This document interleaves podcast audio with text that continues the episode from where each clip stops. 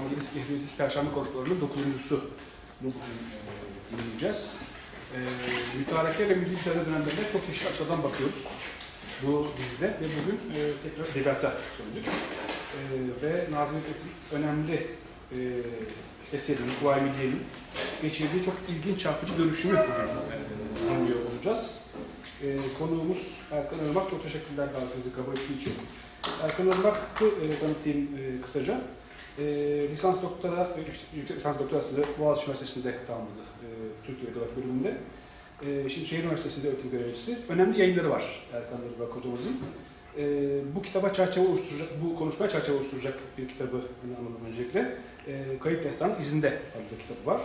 E, 2011'de çıkmış. Arkasından 2018'de Eski Köye Yeni Roman adlı kitabı çıktı. Köy romanlarının e, tarihini biliyordu orada.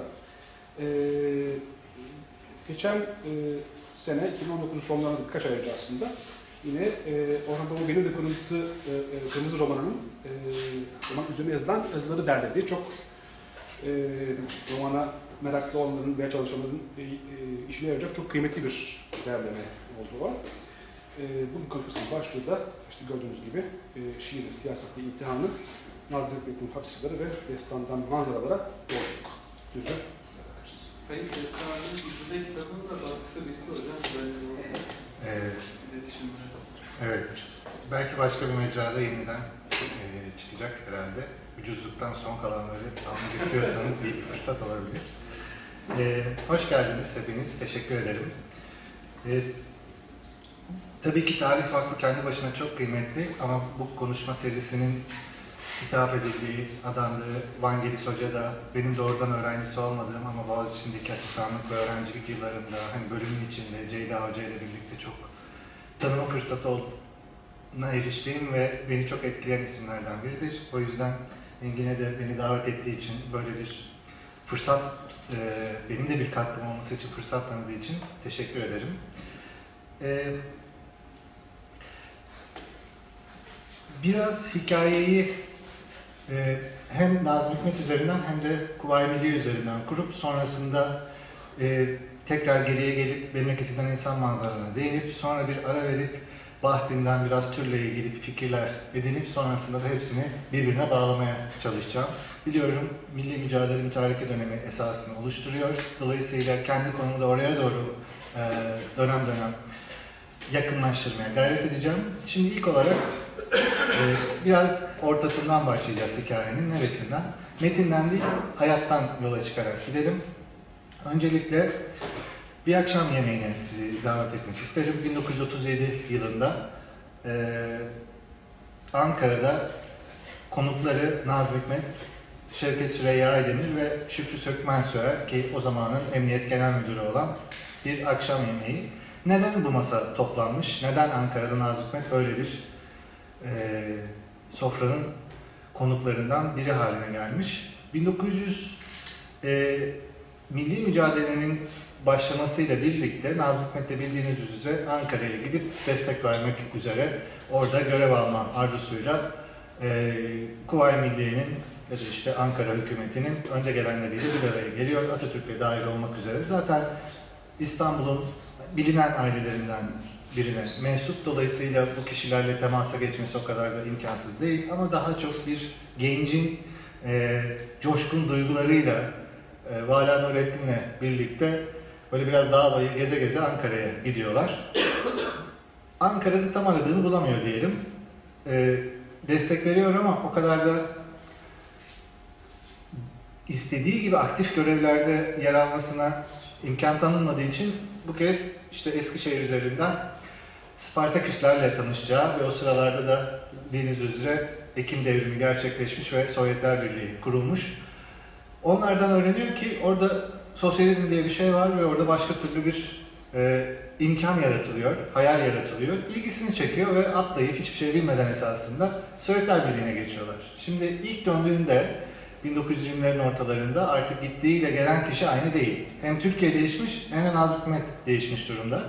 Ee, bir komünist olarak geri geliyor. Geldiği yerde artık bir hanedan değil, e, bir imparatorluk değil, bir ulus devlet, bir cumhuriyet haline gelmiş. Şimdi bu tabii ki bir kendi çatışmasını yaratacak iki türlü. 1920'ler ve 30'lar Nazım Hikmet'in e, sosyalistliğini edebiyatına yansıttığı ve şiirini de yine Sovyetler Birliği'nde öğrendiği bu merdiven biçimli dediğimiz serbest nazımla yeniden şekillendirdiği bir döneme denk geliyor. Hem biçimsel hem içerik olarak yeniden bir şiir inşa etmiş. Aslında öncekileri saymazsak ilk kez bir şiir kuruyor, şiir dili kuruyor kendi e, kafasında, zihninde. Döndükten sonra bildiğimiz işte 835 satırlar varan e, birler, işte uzun şiirleri yazmaya başlıyor. Şeyh Bedrettinler, Benerci kendini için öldürdü, Taranta Baba'ya mektuplar. Şimdi bunlar yazıldıkça ve Nazım Hikmet'in ünü arttıkça ki hızla artıyor onu söyleyebiliriz. Yani hem karakter olarak çok ilgi çekici hem aile olarak çok ilgi çekici. Dahası onun gibi yazan kimse de yok. Yani bütün bunlar birleşince tabii ki ilgi çekici olmaması kaçınılmaz. Olması kaçınılmaz. Şimdi bunların üstüne tabii ki e, sürekli soruşturmalara uğrayan bir hayat başlıyor yeni dönemde. Bu davalar ne, şimdi tam hukuki terminolojisini bilmiyorum ama askeri mahkemede değil de devletin işte asliye mi bakar, kim bakar o mahkemelerde e, gözaltına alınıyor. 3-5 ay tutuklu tutuluyor falan.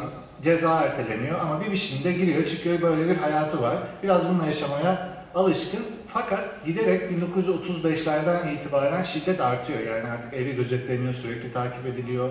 Gazetelerde iş bulamamaya başlıyor, yazdıkları yayınlanmamaya başlıyor. Şimdi bu artık giderek e, geçimi sağlayamama noktasına götürüyor Nazım Hikmet'i. Ki o sıralarda Firaye Hanım'la evlenmiş.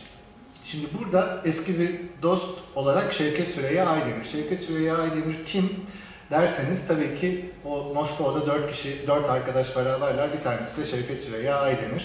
Bu Doğu Emekçileri Komünist Üniversitesi'nde birlikte okuyorlar. Fakat döndükten sonra e, Aydemir devletin içinde, devletle birlikte bu sosyalizmi, yani nasıl diyelim altı okun bir tanesi de halkçılıktır ya, devletçiliktir. Burada sosyalizmin birleşebileceğine ikna oluyor. Dolayısıyla ben kendi davamı buradan yürüteceğim deyip biraz ayrılıyorlar ve bu Nazım Hikmet'in takdir edersiniz ki hiç hoşuna gitmiyor bu bir ortaklaşma. Örneğin Benenci kendini niçin öldürdü adlı eserinde şöyle bir kısım var. Şevket Süreyya Aydemir'e adanmış. Ee, bir dipnotta gönderecek bizi. Diyor ki şimdi size bu bir hayli senenin nasıl geçtiğini anlatacağım ve sonra sıra Benerci'nin kendini niçin öldürdüğüne gelecek. Emperyalizm aleyhine yazılan ve emperyalizmi temellerinden yıkmak için nefislerini feda edenlerden bahseden bu kitap bir inkılapçının hangi şartlar içinde kendini öldürmeye hak kazanacağını da hallettikten sonra bitmiş olacaktır. Gördüğünüz gibi yıldız işareti var yazılanın yanında. Onun bize kitapta bir dipnota gö- gönderir. Dipnotu da şu yazıyor. Yalnız şunu hatırlatmak isterim ki Benerci emperyalizmi ve emperyalizm ile mücadeleyi neo-Hitlerist, sosyal faşist, Sinyor von Şevket Süreyya Bey gibi anlamıyordu. Şimdi epeyce e, aralarının açık olduğunu ve ciddi bir neredeyse düşmanlığa vardığını hissediyoruz burada. Peki ne oldu da arıyor? İşte bunu şunun için söylüyorum. O kadar bunalmış durumda ki Şevket Süreyya'yı aramak durumunda hissediyor kendini.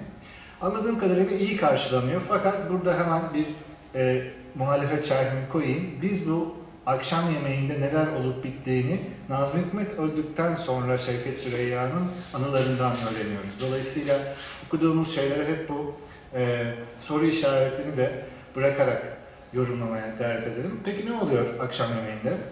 E, Emniyet Genel Müdürü de gelmiş. Yani şunu demek istiyorum. Şükrü Sökmen Söğer orada istese, hani bugün de oluyor bir telefonla şeyi halledecek. Bütün sorunlarını halledebilir.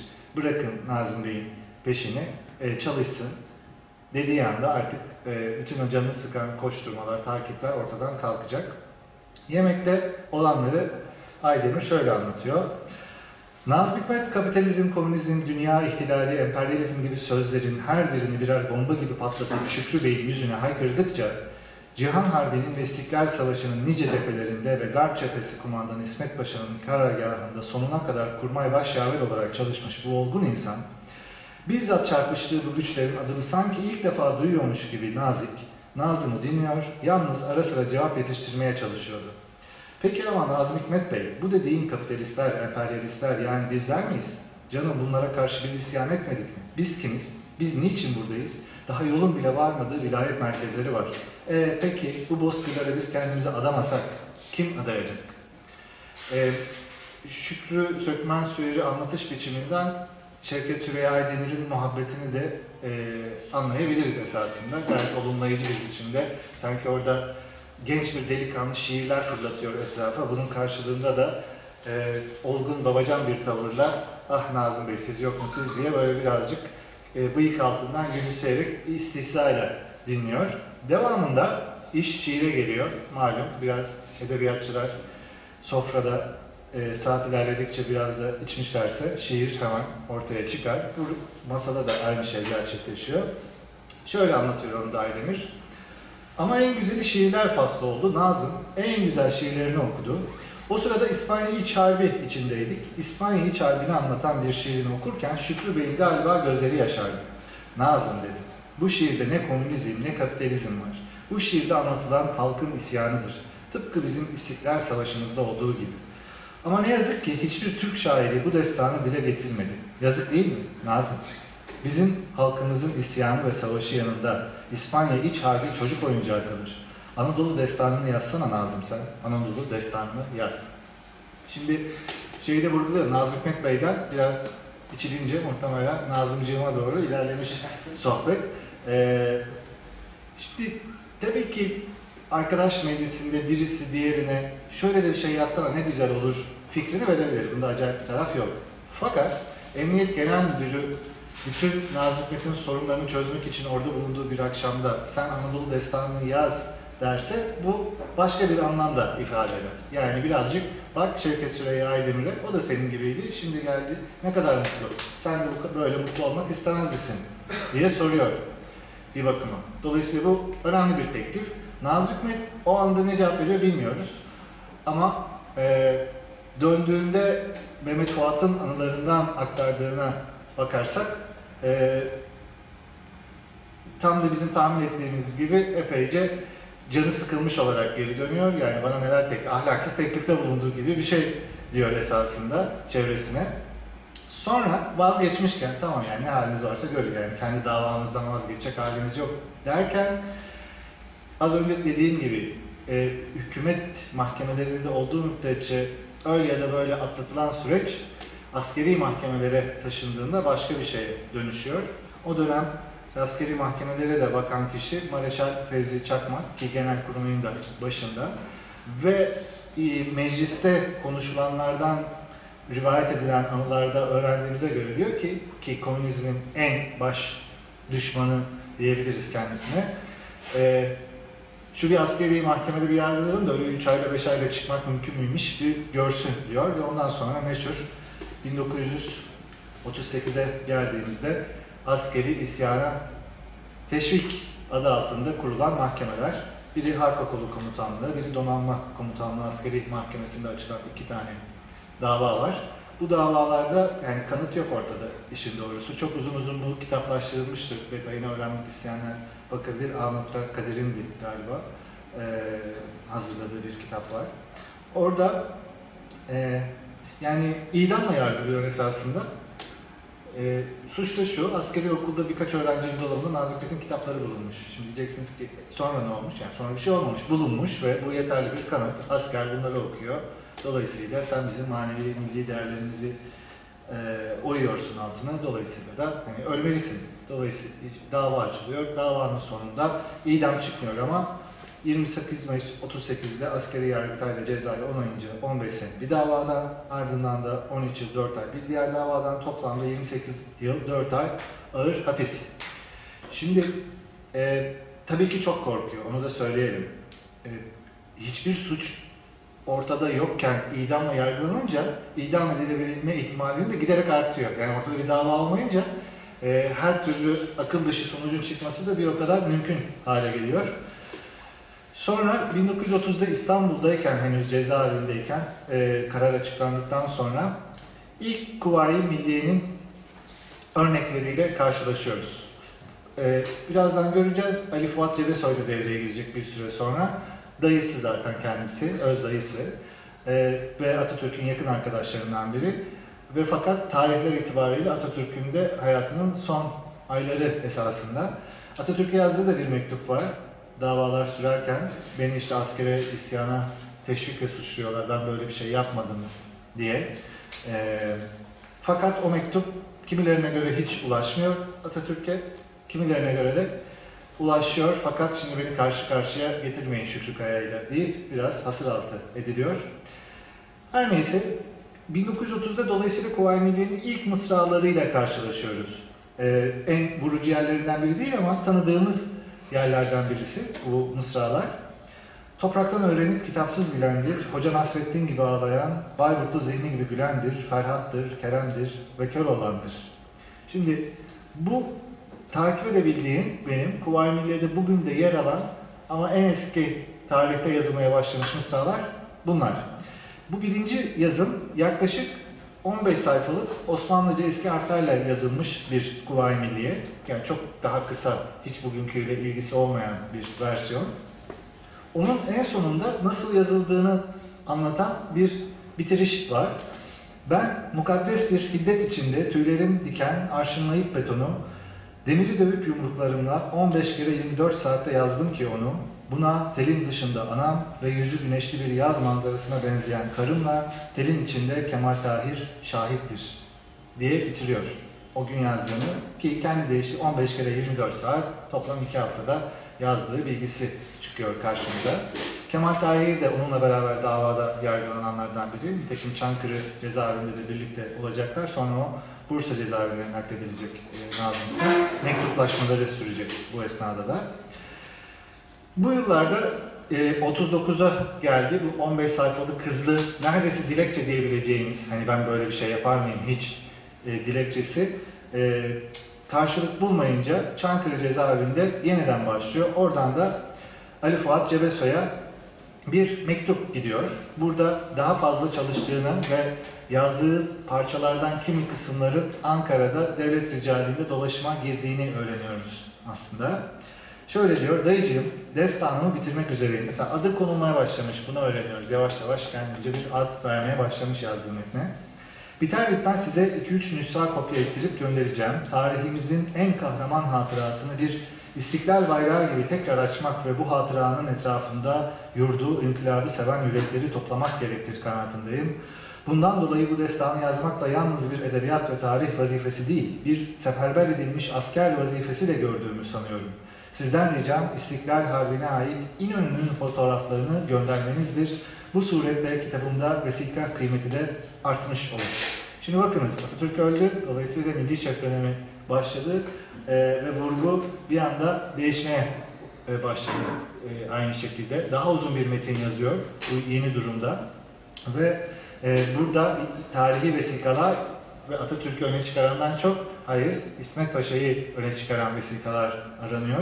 Bu ilginç çünkü o ikinci yazım diyebiliriz buna, bu sürece. İkinci yazımda size bir örnek olarak Kuvayi Milliye'de geçen, o zaman adı Kurtuluş Savaşı destanı henüz, şöyle bir kısım var. Ve ertesi gün 1 Nisan, Metris Tepe aydınlanıyor. Biz telgraflardan kelimeler okuyoruz. Saat 6.30, Bozüyük yanıyor. Düşman muharebe meydanını silahlarımıza terk etmiştir. Garp cephesi kumandanı İsmet. Ve o gün orada yalnız düşmanı değil, makus talihini yendi millet. Sonra 8 Nisan'dan 11 Nisan'a kadar Dumlupınar. Ee, hani o kadar da övücü bir taraf yok, kabul ama iki şeyi birden görmenizi rica ederim. Bir İsmet İnönü vurgusu ki tek bir yerde değil birden fazla yerde bu karşımıza çıkar. İki, Nutuk'tan alınan bir telgraftır bu. Dolayısıyla Nutuk'un e, Kuvayi Milliye'nin çerçevesini çizeceği tarihsel arka planın temeli olduğu anlamına da gelir bizim için. İki şeyi birden takip etmek için önemli bir kısım. Niye buna önce dedim? Çünkü sonrası var. Yani bugün elimizde bulunan Kuvayi Milliye'de bu kısım şu hale dönüşüyor. Ve ertesi gün 1 Nisan Metristepe aydınlanıyor. Saat 6.30 Bozüyük yanıyor. Düşman muharebe meydanını silahlarımıza terk etmiştir. Sonra 8 Nisan'dan 11 Nisan'a kadar Dumlupınar. Herhangi bir iz kalmadı telgraftan. Ee, belki hani çok iyi bir tarihçi kazımasıyla bunun nereden alındığı e, anlaşılabilir ama artık İsmet Paşa'nın adını anmaya gerek yok. Çünkü yıl 1950. Ee, CHP iktidarda değil ve AF'la dışarıya çıktıktan sonra son halini veriyor Nazım Hikmet. Dolayısıyla Demokrat Parti dönemindeyiz. E, o halde bu kısımlar çıkartılabilir. Şimdi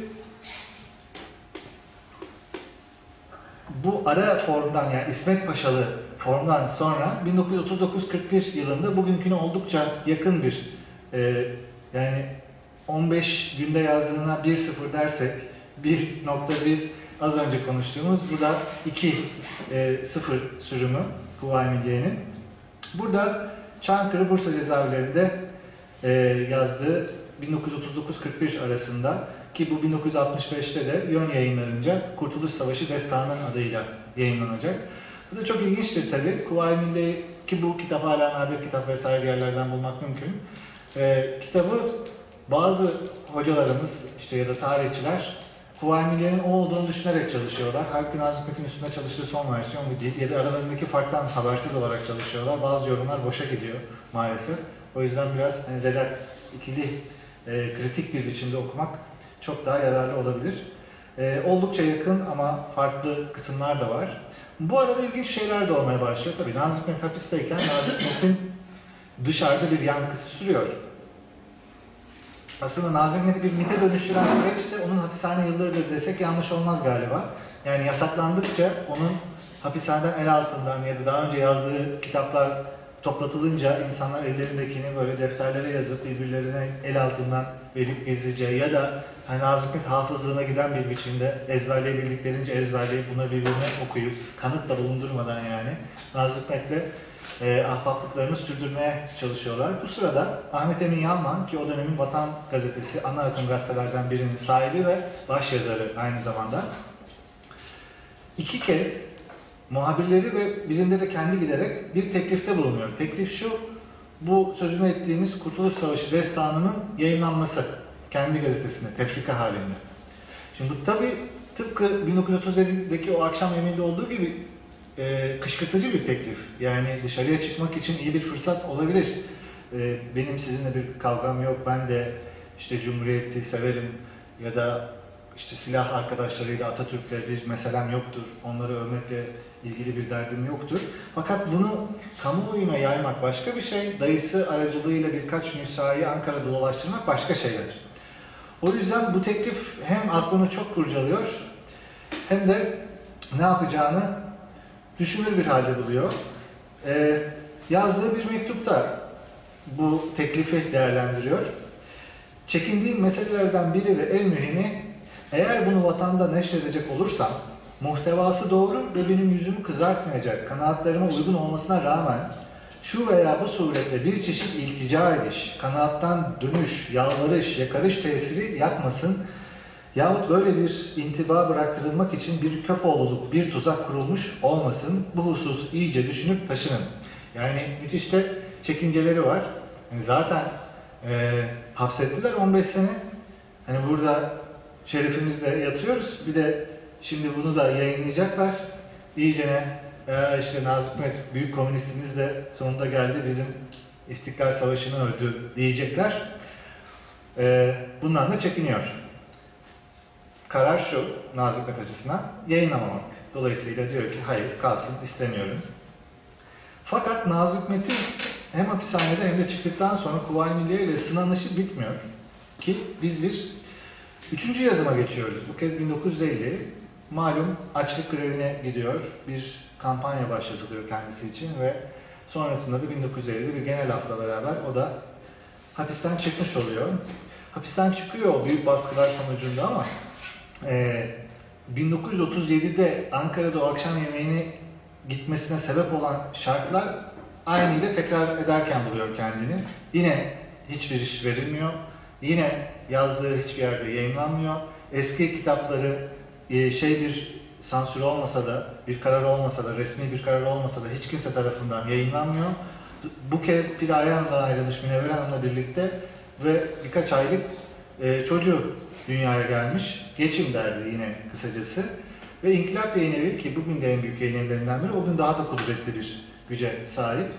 Ee, hiç başka bir metnine değil, hiç ortada olmayan, sadece adı böyle efsane gibi dolaşan Kuvayi Milliye'ye teklif götürüyor. Diyorlar ki bunu bize verirsen yayınlarız. O günün şartlarıyla Nazım Hikmet işte 2500 lira teklif ediyorlar diyor ve bunun çok iyi bir para olduğunu düşünüyor o günün şartlarında. Ve kabul ediyor. Nereden edindi peki bu şeyleri? Yani bu dolaşım nasıl oluyor diye merak ediyorsanız nerede birikiyor bu e, metinler? Hapiste olduğu süre boyunca özellikle Piraye Hanım'a çoğu zaman da Kemal Tahir'e yazdıklarını mektuplara iliştirip gönderiyor. Onlardan da bundan bir iki kopya çıkartmasını istiyor esasında. Fakat 1940'ların sonunda Piraye Hanım'la ayrıldıktan sonra tabii bütün kopyalar Piraye Hanım'dan eee arkadaşlarını gönderiyor. Pek yüzü de yok zaten kendi istemeye. Arkadaşlarını gönderip bütün o güne kadar yazdıklarını alıp birkaç kopya çıkartmalarını rica ediyor.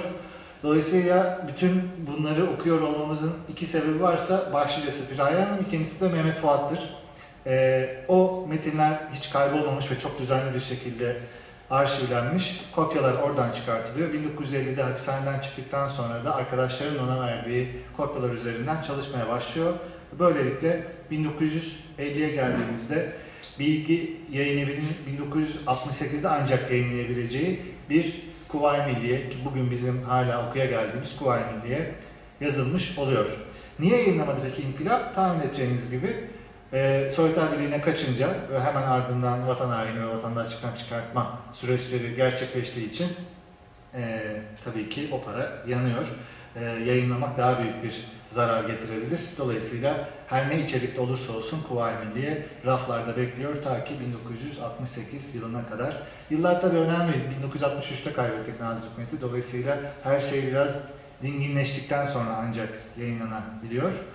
Bu hikayeyi 68'e kadar götürmüş olalım. Şimdi tekrar geriye gelelim. Çünkü bir başka kitabımız daha var. O da Memleketimden İnsan Manzaraları. Memleketimden insan manzaraları ile ilgili yine birden fazla yazım süreci söz konusu. Bunun da 1.0 diyebileceğimiz versiyonu ya da proto diyebileceğimiz versiyonu Meşhur Andamlar Ansiklopedisi adındaki Nazım Hikmet'in bir deneyişiyle ortaya çıkıyor. 1940 Eylül'ünde e, başladığını söylüyor.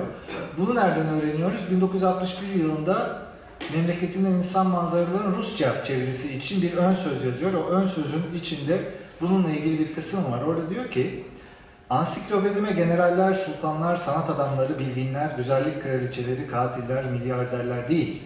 Ünleri fabrikaların duvarlarını, köylerinin çitlerini, mahallelerinin sınırlarını aşmayan işçiler, köylüler, esnaflar giriyordu diye anlatıyor. Bu sona erdirilmiş bir şey değil, e, proje olmuyor. Fakat burada meşhur adamlar ansiklopedisine aldığı meşhur olmayan e, kişiler sonrasında memleketinden insan manzaralarında tekrar karşımıza çıkacak. Daha tabii ki karakterler şekillenmiş ve detaylandırılmış bir biçimde olacak bu. Dolayısıyla 1940 Eylül'ünü e, memleketimin insan manzaralarını düşünecek ilk anların başlangıcı olarak düşünebiliriz. Nereden bulursunuz bu yazılmış kısımları derseniz onları da yine Mehmet Fuat'ın 66-67'de Memleketinden İnsan Manzaralarının 5 kitap olarak yayınlar. Onun 5. kitabın sonunda bu meşhur adamlar ansiklopedisi ile ilgili kısımda mevcuttur. Devam edelim. Manzaralarda biraz ilerleyelim. Şimdi 17 Haziran 1941'de Kemal Tahir'e bir mektup görüyoruz. Ee, Eylül'den Haziran'a bir yani 7-8 ay geçtikten sonra diyor ki hem meşhur adamlar ansiklopedisini artık rafa kaldırmış bunu memleketin insan manzaraları olarak e, alacağımız kitaba dönüştürme safhasına geçmiş. Ben 1940 senesinde Türkiye'den insan manzaraları gibi bir isim koymayı düşündüğüm mesele başladım. Günde, günde 50 mısra yazıyorum. 6 ayda bitecek. 10 bin mısra olacak. Şimdiye kadar programı bozmadım. 650 mısra yazdım. Kemal, kendimi tam formunda bir boksör, bir pehlivan, bir futbolcu, bir pilot falan gibi hissediyorum. Kendimi bıraksam günde 100 mısra da yazacağım fakat tutuyorum. 100 sene yaşayacakmışım gibi geldiği halde başka insanlar gibi ölmek icap ettiğine şu son günlerde akıl erdiremediğim halde diğer taraftan 6 aydan evvel şu başladığım yazıyı bitirmeden evvel başıma bir hal gelecek diye de zaman zaman ürpermeler geçiriyorum. Ee, bu plan da hani hemen hikayenin sonunu söyleyeyim. Öyle 6 ayda falan bitmiyor elbette. Neredeyse 1947'nin sonuna kadar yazımı fasılalarla devam edecek. Ee, pek çok planı tutmuyor Nazım Hikmet'in memleketten insan manzaralarıyla ilgili olan. Aslında hiçbir zaman bitmemiş bir kitap olduğunu da düşünebiliriz. Her ne kadar elimizde tamamlanmış gibi gözüken bir kısım olsa da bizim için önemli olansa şimdi Kuvayi Milliye'ye ne oldu? Biliyorsunuz memleketin İslam manzaralarında Kuvayi Milliye'yi de içeren kimi kısımlar mevcuttur. Ee, oradaki kahramanlar manzaralara da e, aktarılmıştır. Şimdi Kuvayi Milliye'yi yazmış bulundu. Yazış amacı e, hapisten çıkmaktı ve bu metnin hapisten çıkamayacağına da ikna oldu birkaç yılın sonunda. Hapis hayatı devam ediyor. 18 yıl burada. Ne yapalım? E, diyor ki ben alıp Kuvayi Milliye'yi memleketin insan manzaraları içinde yeniden kullanabilirim. Şimdi bu nasıl olacak? Bakacağız. Çünkü çok ilginç bir şey yapıyor. Benim edebiyat tarihinde başka bir yerde görmediğim. Bir metnin bütün alımlanışını, metnin kendisine dokunmadan ama öncesine sonrasına eklemeler yaparak 180 derece değiştiriyor. Adım adım gidelim. İlk önce bu manzaraların e, destanı manzaralardaki yeni evi. Ocak ve Şubat 1942'de Bursa'dan Piraye Hanım'a yazdığı mektuplarda şöyle diyor. Bana taahhütlü olarak bir nüshasını Suzan'a yahut Selma'ya temize çektirip kendini alıkoyduktan sonra şu benim destanı yolla. Onu da çok ustaca zannettiğim bir şekilde yeni yazımın içine koyacağım. Şubat'takinde de benim bu yazı 12 bin mısra kadar tutacak. Destanı da içine koyacağım. Onun için rica ederim bana posta ile taahhütlü olarak destanı hemen yolla. Mart ayında Kemal Tahir'e bu kez biraz daha ilerledikten e, sonra memleketin insan manzaralarında şöyle bir teknik plan sunuyor ona.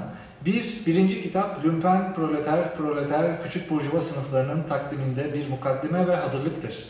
Burada birkaç esas şahsiyetle yine de şöyle böyle tanışırız.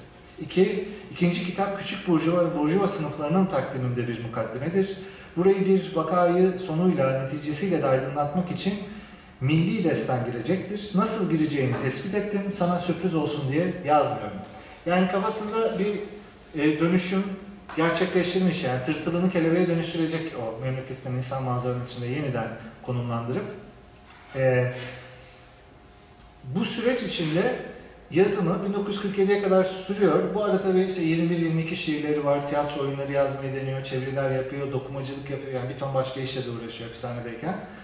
Ee, 1947 sonuna kadar bu yazım sürüyor ve parça parça hepsi Piraye Hanım'a gidiyor. Bizim bugün okuduğumuz metin de yine Piraye Hanım'ın tuttuğu vesikalardan ibarettir. Sağlığında Nazım Hikmet'in Rusça çevirisi yayınlanmıştır. Çok küçük bir kısmının İtalyanca çevirisi yayınlanmıştır. Ama bütün bunları yani bizim gördüğümüz memleketin insan manzaralarının tamamını kendi hiç görmemiştir sağlığında. O bilgiyi de verelim. Yani kendi yazdığı kitabın son halini kendi görmemiştir. Ee, Türkçedeki ilk baskısı da bu yüzden 66-67'de gerçekleşir. İki kitabın şeyini bir kenara koyalım böylece hikayesini burada bırakalım. Örneklerine geçeceğim ama bir durum. Bu Kuvayi Milliye ne anlama geliyor? Nazım Hikmet için ne anlama geldiğini az çok kestiriyoruz ama e, bunun yazılmasını isteyen, sonra gazetede tefrika edilmesini arzu eden, bugün Kuvayi Milliye'yi okuyup gözleri yaşaran ya da oradaki kimi kısımlarla şevke gelen insanlar için alımlandığı müddetçe Kuvayi Milliye nedir? Re biraz bakalım. Burada Mihail Bahtin e, romanda Söylem adlı çok meşhur yazısında epikten de bahsediyor bir ölü tür olarak. Ben çok öldüğünü düşünmüyorum. Hala ona duyulan arzu devam ediyor. Yani çok yakın zamanda onlarca yarışma düzenlendi diyelim. İşte 15 Temmuz'la ilgili roman yazın, tiyatro metni yazın, kompozisyon yazın, şiir yazın. Aynı şeyle düşünebilirsiniz. Yani İstiklal Savaşı bittikten sonra da onlarca yarışma çıkıyor. Tiyatro oyunları, şiir yarışmaları, kompozisyonlar, romanlar yazılıyor. Fakat bunlardan hiçbiri arzu edildiği kadar e, rağbet görmüyor. Ne okuyan tarafından ne de sipariş eden tarafından esasında. Yani o dönemden böyle müthiş bir e, Kuvayi Milliye ölçeğinde insanların dilden dile söyleyeceği, sahipleneceği bir metin çok da karşımıza çıkmıyor. Bunun eksikliğini görmek lazım. Bahattin Epi e, tanımlarken de pek çok başka şeyin yanında burada çok kısıtlanmış bir versiyonunu size aktarmaya çalışıyorum. Üç tane madde sıralıyor Epi'nin neden kıymetli olduğu açısından. Bunlardan bir tanesi ulusal bir epik geçmiş, epiğin konusu işlevini görür. Yani belli bir dönem ki bizim burada Kuvayi Milliye'nin hangi dönemleri kapsadığını düşünürsek 19-23 arasını düşünebiliriz. Ee, ulusal bir epik geçmiş yani Cumhuriyet açısından epik geçmiş neresidir, başlangıç neresidir dediğimizde aslında Kurtuluş Savaşı'na zaten milli mücadeleye kendiliğinden gidiyoruz. Ulusal gelenek yani yine bu geleneğin inşa ediliş süreci epin kaynağı olarak işlev görür diyor ve üçüncüsü mutlak bir epik mesafe, epik dünyayı zamandaş gerçeklikten yani Ozan'ın, yaratıcısının ve izleyicisinin içinde yaşadığı zamandan ayırır. Yani bir anlamda da dokunulmazlık atfeder o döneme. Yeterince güçlü bir epik varsa, epik zaten donuk bir zamanı tarif eder. Ee, oraya dönüp ancak orayla gururlanırsın. O epiğin buyurgan tonuyla orayı ancak takdir edebilirsin. Keşke ben de o günleri görseydim diye ahvah edebilirsin. O epik zaman dokunulmaz ve değiştirilemez olarak orada mutlak bir hakikat biçimiyle orada varlığını sürdürür. Şimdi Kuvayi Milliye'de bu epik geçmişin öncelikle peşine düşelim. Ulusal epik geçmiş Kuvayi Milliye'nin de konusu malumunuz.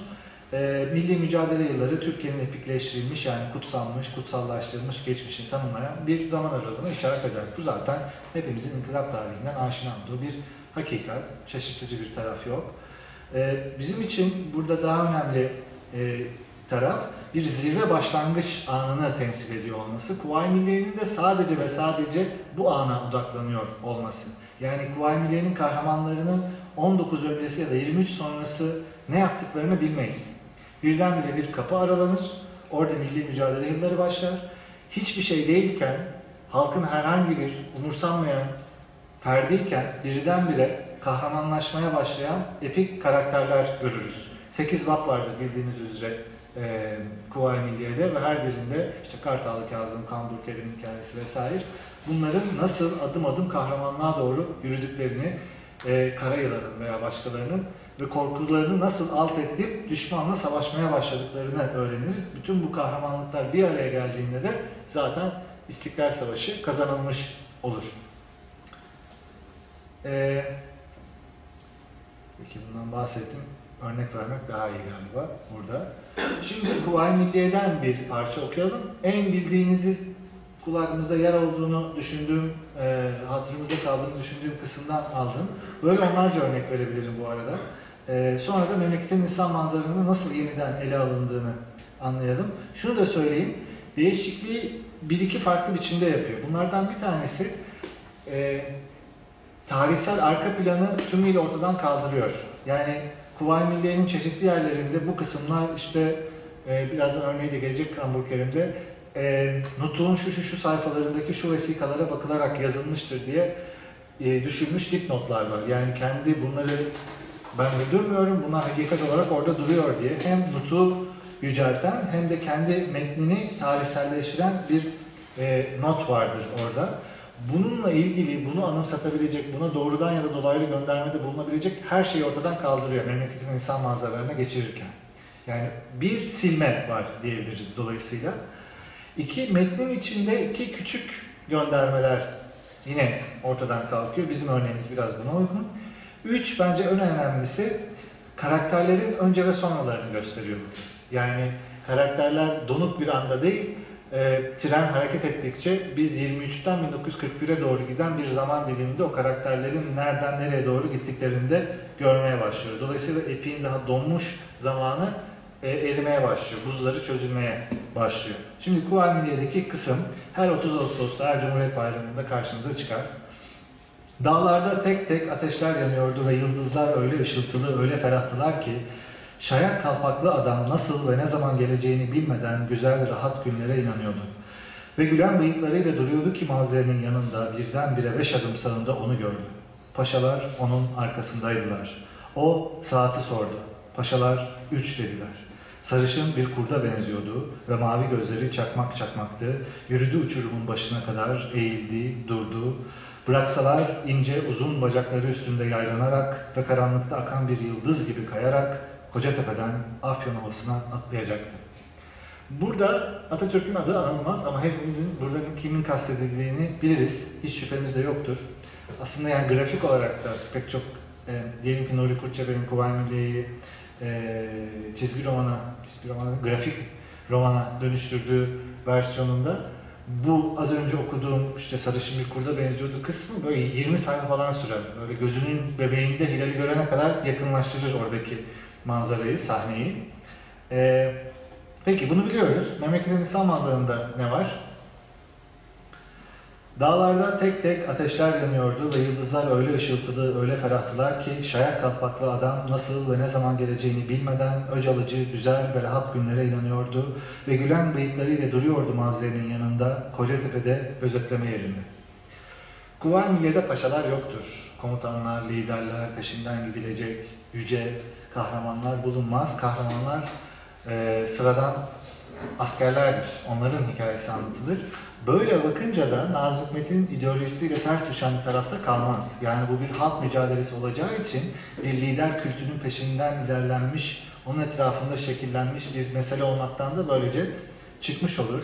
Gördüğünüz gibi ikinci okuduğum yani memleketinden insan manzaralarındaki aynı kısım bize hiçbir biçimde Atatürk'le ilgili bir ipucu ya da bir anıştırma, bir gönderme, bir çağrışım imkanı tanımıyor. Bir başkası e, ulusal gelenek kurmam. Yani o dönemi ya işte biz böyle yerlerden geldik. Kolay değil bu ülke kolay kurulmadığının e, altyapısını hazırlayacak bir kuvayi milliye.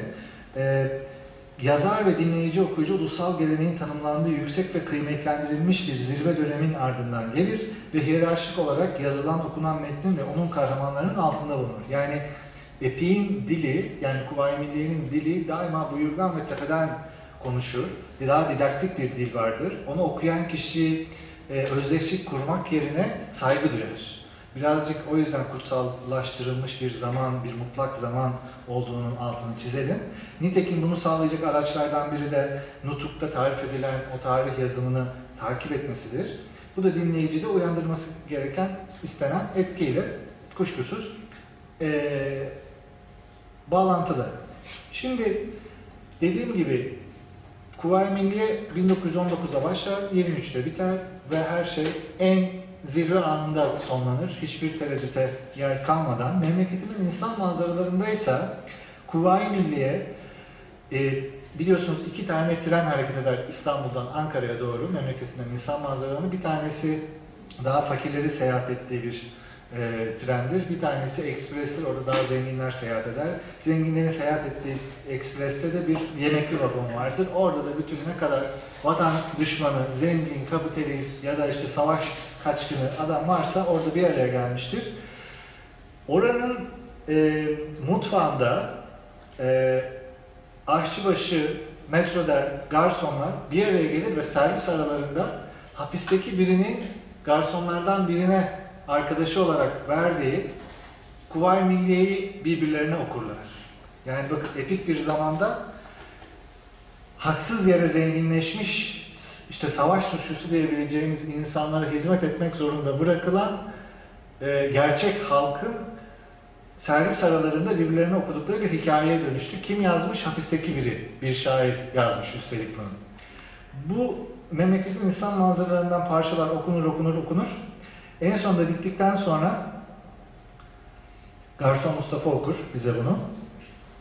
Sustu garson Mustafa, sordu aşçıbaşı Mahmut Aşer, bitti mi? Bitti. Sahiden bitti demek. Sahiden bitti usta. Daha neyi bekliyordun ki aslında? Bilmem. Doğrusun yavrum daha neye yazacaktı? Gavuru yendik, girdik İzmir'e. Sonra, sonra Cumhuriyet oldu ve lakin konuştu Metodel. Dilin altında bir şey var aşçıbaşı çekinme söyle. Kimden çekineceğim? Yani destan bitmesine bitti. Biraz acı bitti lakin. Yüreğim üzüldü bayağı. Şöyle ferah, şöyle yiğitçe koşarken kafana tutulmuş gibi oluyor insanın ayağı. Nedir kapan burada? Koştuğumuz yer nedir? Kapan nedir? Bir halk isyanı, halk hareketi başlamış ve emperyalistlere karşı savaşıyorsun. Güzel. Buradan murad edilen sonuç ne olabilir? E, sosyalizme doğru gitmek. Bunu engelleyen kapan ne olur o halde? E, cumhuriyet. Yani başka rejim e, çok daha mutluluk verecekken Cumhuriyetle yarı yolda sanki kalmış gibi. Belki o kapana kısılmasaydı ayak, yani aşçıbaşının hissettiği şey gerçekleşmeseydi, bugün o aşçıbaşı, o garson orada dışarıdaki yemekli vagondaki suçlulara hizmet etmek zorunda kalmayacaktı. Çünkü hani memleketin insan manzaraları boyunca gördüğümüz bir numaralı şey e, her yere yayılmış kötülüktür. Yani insanlar kötüdür bir kadın yanında hamile bir kadın vardır. İşte bir sepet yanında kiraz getirmiştir, öyle bilmiştir. Kokusu gelir, canı çeker. Derler ki yani şuna da birkaç tane ver. Hani hamile kadın e, canı çekmiş, ayıptır, günahtır. Durur durur cevap vermez. Israr artınca kalkar, camı açar, sepeti döker, oturur yerine. Yani böyle kötülük, durduk yere kötülüktür. Şimdi bunu şöyle yorumluyorum. Eğer bir sistem kendi başına e, yanlışsa, hatalıysa Oranın içinde sen güçlü ayakta duramazsın. Bir çamurun içinde yürüyüp bu bana değmez nasıl olsa diye olamazsın. Nazım Hikmet'in baktığı yerden bu çamurun olmadığı tek ihtimal sosyalizmle yeniden şekillendirilmiş bir dünyadır. Buna inanır. Buna uygun olmayan her şeyde onun gözünde e, reddedilmesi gereken bir dünyayı işaret eder. Burada da Aşçıbaşı'nın ağzından onu görüyoruz. Dolayısıyla bakın yerleştirdi ama bizim epik geçmiş zamanımızı da, mutlak zamanımızı da yerle bir ederek yani onun harika bir andan bozdu, değiştirdi ve dedi ki hayır kafanı kıstırdın sen benim. Çünkü sonrasındaki hayatı gösterdi, epik zamanı orada bırakmadı ve başka bir şey ortaya çıktı. Epik mesafe, Bahti'nin sözünü ettiği epik mesafede de şöyle diyor.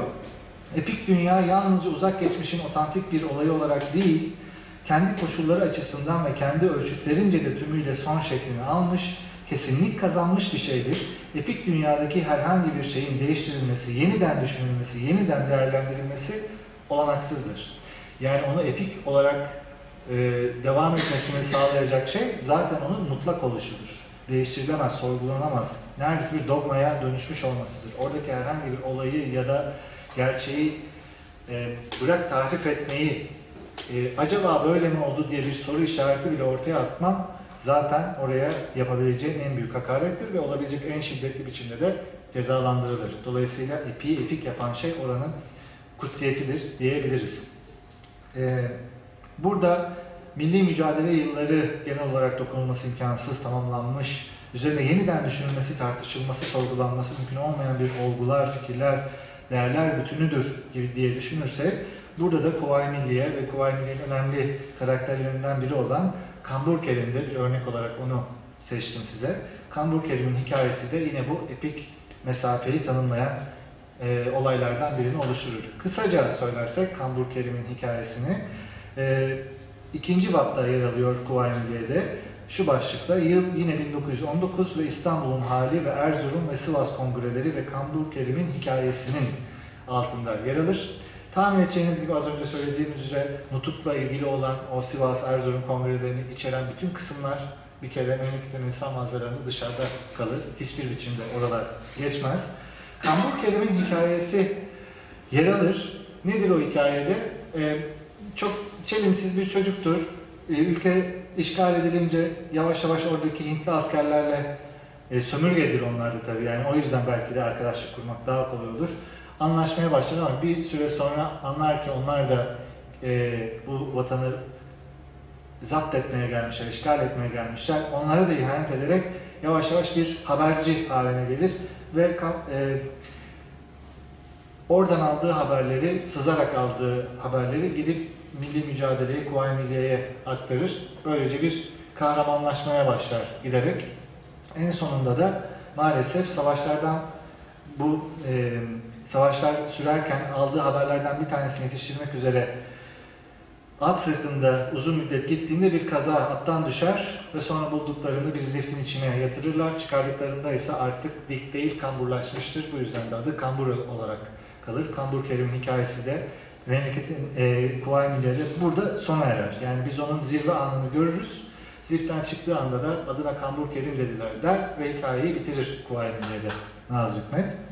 Şimdi bu e, sahneden çıktığı e, vakit elbette ki Kambur Kerim bedensel olarak bir zarara uğrar ama Kuvayi Milliye'nin gerçekliği içinde e, o kadar büyük bir kahramanlık göstermiştir ki o kambur onun için utanılacak bir şey değil. Hani şerefle gezdirilecek bir e, nişan, kahramanlık nişanı olarak gösterir.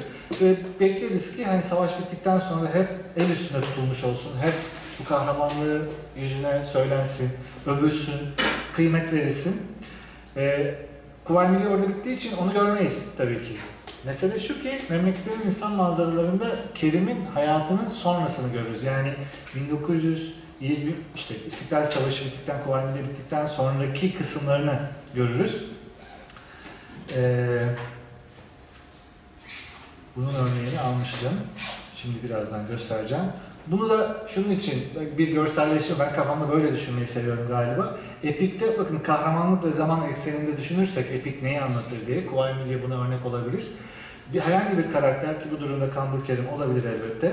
Zaman ilerledikçe kahramanlığı artarak devam eder. Epin zamanı yani bu kutu e, bittiği noktada zaten kahramanlığın da zirvesine ulaşmışızdır. Yani epin zamanıyla kahramanlığın artışı, yükselişi birbirine orantılı olarak yükselerek, ivmelenerek devam eder.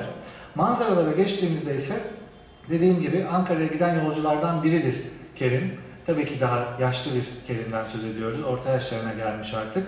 Ee, aynı kompartımanda oturdu. Bir de Basri Şener adında biri var. Basri Şener kim? Ee, asker kaçağı, dolandırıcı, yani kadınları ifade etmiş. Özellikle de savaş sırasında hem savaşa gitmiyor hem de köyler erkeksizleştiği için orada yalnız kalan kadınlara gidip musallat oluyor. Böyle bir adam. Sonrasında da zenginleşiyor. Ee, orada işte kadınları dolandırarak vesaire başka başka şekillerde. Karşılıkları oturuyorlar. Basri Şener'in aklında e, karşıdaki kelime düşünüyor. Diyor ki kimdir bu ne mınzırlıklar yapmıştır da böyle kambur kalmıştır. Az haylaz değil bu da belli ki değil. Yani asla onun kuvaymiliğe geçmişini bilmediği gibi kıymet de veremiyor. Ve bunu kıymetsiz hale getiren de az önce aşçıyla yemekli vagondakilerde olduğu gibi hiyerarşi hep kötüden yana yükselmiş. Yani asıl e, o ülkeyi ayakta tutan insanlar ezilenler haline gelmiş. Kimin suçu bu? E, rejimin suçu oluyor dolayısıyla. Peki şöyle diye düşünüyor. Basri'nin aklından okuyoruz Kerim'in hikayesini. Bu noktada Kerim'in Kuvayi Milliye'deki kısmı bitmiş. Şimdi Basri'nin zihnine geçiyoruz. Vagonda karşısında Basri'nin ufacık bir kambur oturuyordu. Fakat bu ufacık adam cesaretle taşıyordu kamburunu. Çok ince bileklerin ucunda çok büyük ve kemikliydi elleri.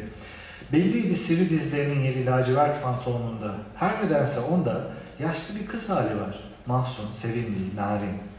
Ve fedakar evlat romanının yazdığı gibi hasta, ihtiyar babasına bakmak için evlenmemiş olan. Ve kocaman ağır kapakların altında uslu çocuk gözleri vardı. Bu gözler kötülük düşünmezler. Fakat bu kalın dudaklı ağız korkunç bir küfrü saklayabilir içinde. Bir küfür ki ses olup edilememiş, edilemiyor. Aynı anda birkaç şey oluyor farkındaysanız. Bir tanesi Basri Şenen'in zihninden kambur kelime uygun görülen sıfatlar. Biz ona Kuvayi bir kahramanlığın zirvesinde bırakmıştık. Şimdi narin, ince bilekli, yaşlı bir kız hali olan Mahsun, işte evlenmemiş e, bir yaşlı kadın olarak tasvir ediliyor. Yani bu tabii ki bir kad kadına, kadınsı imgelerle, daha feminen imgelerle, sıfatlarla yeniden kurulması aslında önceki kahramanlık anını birazcık bozmaya dönük e, hamleler. Uslu çocuk gözleri vesaire. Bir bu var.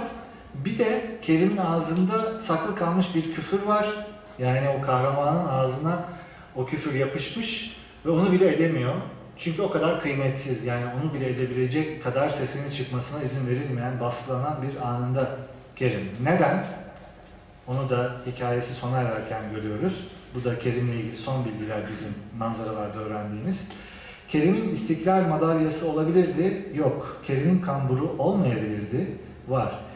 Ve şimdi 1941 senesinde vagonun penceresinden girerken Bahar, Kerim düşünüyor. Belki bir ay geçmeden hapishane defterinde kaydım olacak. Çünkü senelerdir Kerim telgraf memurudur. 180 lira ihtilas etti 6 ay önce. Umutsuz bir gece hasta, ölen bir dosta verilmiş de olsa hapiste yatacaktır. Devlet parasını ihtilas eden. Şimdi nereye geldik? Çok ironik bir biçimde Nazım Hikmet o kahraman haberci burada telgraf memuruna dönüştürüyor ilerleyen yıllarda. Ve bu telgraf memuru bu hayata bile razıyken bir gün hasta ölmekte olan bir arkadaş yardım için 180 lira ihtiyaç oluyor. Kendinde bu para olmadığı için devlet parasını oraya yönlendiriyor ve diyor ki bu yüzden hapse gireceğim çok yakın zamanda. Bir madalyası bile yok kendisine verilmiş ama kamburu orada duruyor ve herkes ona bakıp ya bu kambur da kim bilir ne haltlar yedi de bu kamburu böyle çıktı diye onun arkasından düşünüyor. Ee, gördüğünüz gibi şey tümüyle değişti bu sefer algı. Bunu da şöyle görselleştirmek istedim. Şimdi e, kahramanlık zaman eğrisi epikteyken yani Kuvayi Milliye Kuvayi Milliye haliyle devam ederken yukarıya doğru sürekli artarak doğrusal olarak gidiyordu, ivmeleniyordu.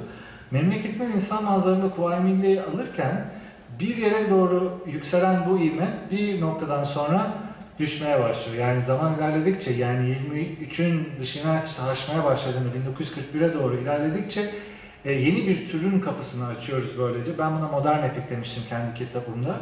E, modern epiğin alanı da, epiğin alanı hep yükselerek ilerlerken burada düşüşü de kapsayan, biraz da kambura benzetmek için öyle yuvarladım etrafını. E, bir kambur kelimin hikayesinden aslında bir türden bir başka türe doğru da kaymayı görmüş oluyoruz. Toparlarsak, yani çok fazla daha örnek var ama bir saate de gelmişiz. Ee, Kambur Kerim'in hikayesi ya da çıkartılan kısımlar ya da tek tek baktığımızda Kartallı Kazım'ın başkalarının hikayeleri, Nutuk'taki alıntıların tümüyle bertaraf edilmesi, Atatürk, İsmet Paşa vesaire gönderilerin bütünün hepsinin gitmesi, edebiyat tarihi içinde bir şey söylüyor bize. Bir şairin hayatı içinde bence çok ilginç bir şey söylüyor. Bir metnin nasıl e, defalarca farklı farklı biçimlerde ki bugün bile hatta e, hem bir dönemi hem bir yazarı alımlamak için nasıl yeniden yeniden kullanıldığını göstermesi açısından bence olabilecek en ilginç örneklerden bir tanesi Nazım Hikmet'in Kuvayi Milliye ve Memleketimin İnsan Manzaralarında başına gelen. E, bugün de çok insan ma- manzaraların içinde Kuvayi Milliye'den parçalar olduğunu bilir ama Kuvayi Milliye ile ikisinin arasındaki farkı bilmez. Yani karşılaştığım bir okumada ikisi bambaşka anlamlar taşır. Ama bence edebiyat içinde çok ilginç bir örnek olmayı sürdürüyor. Ee, umarım buranın e, özel konuşmaların, özel serinin e, bir parçası olarak faydalı bir sunum olmuştur sizin için de. Hepinize teşekkür ederim gelip dinlediğiniz için.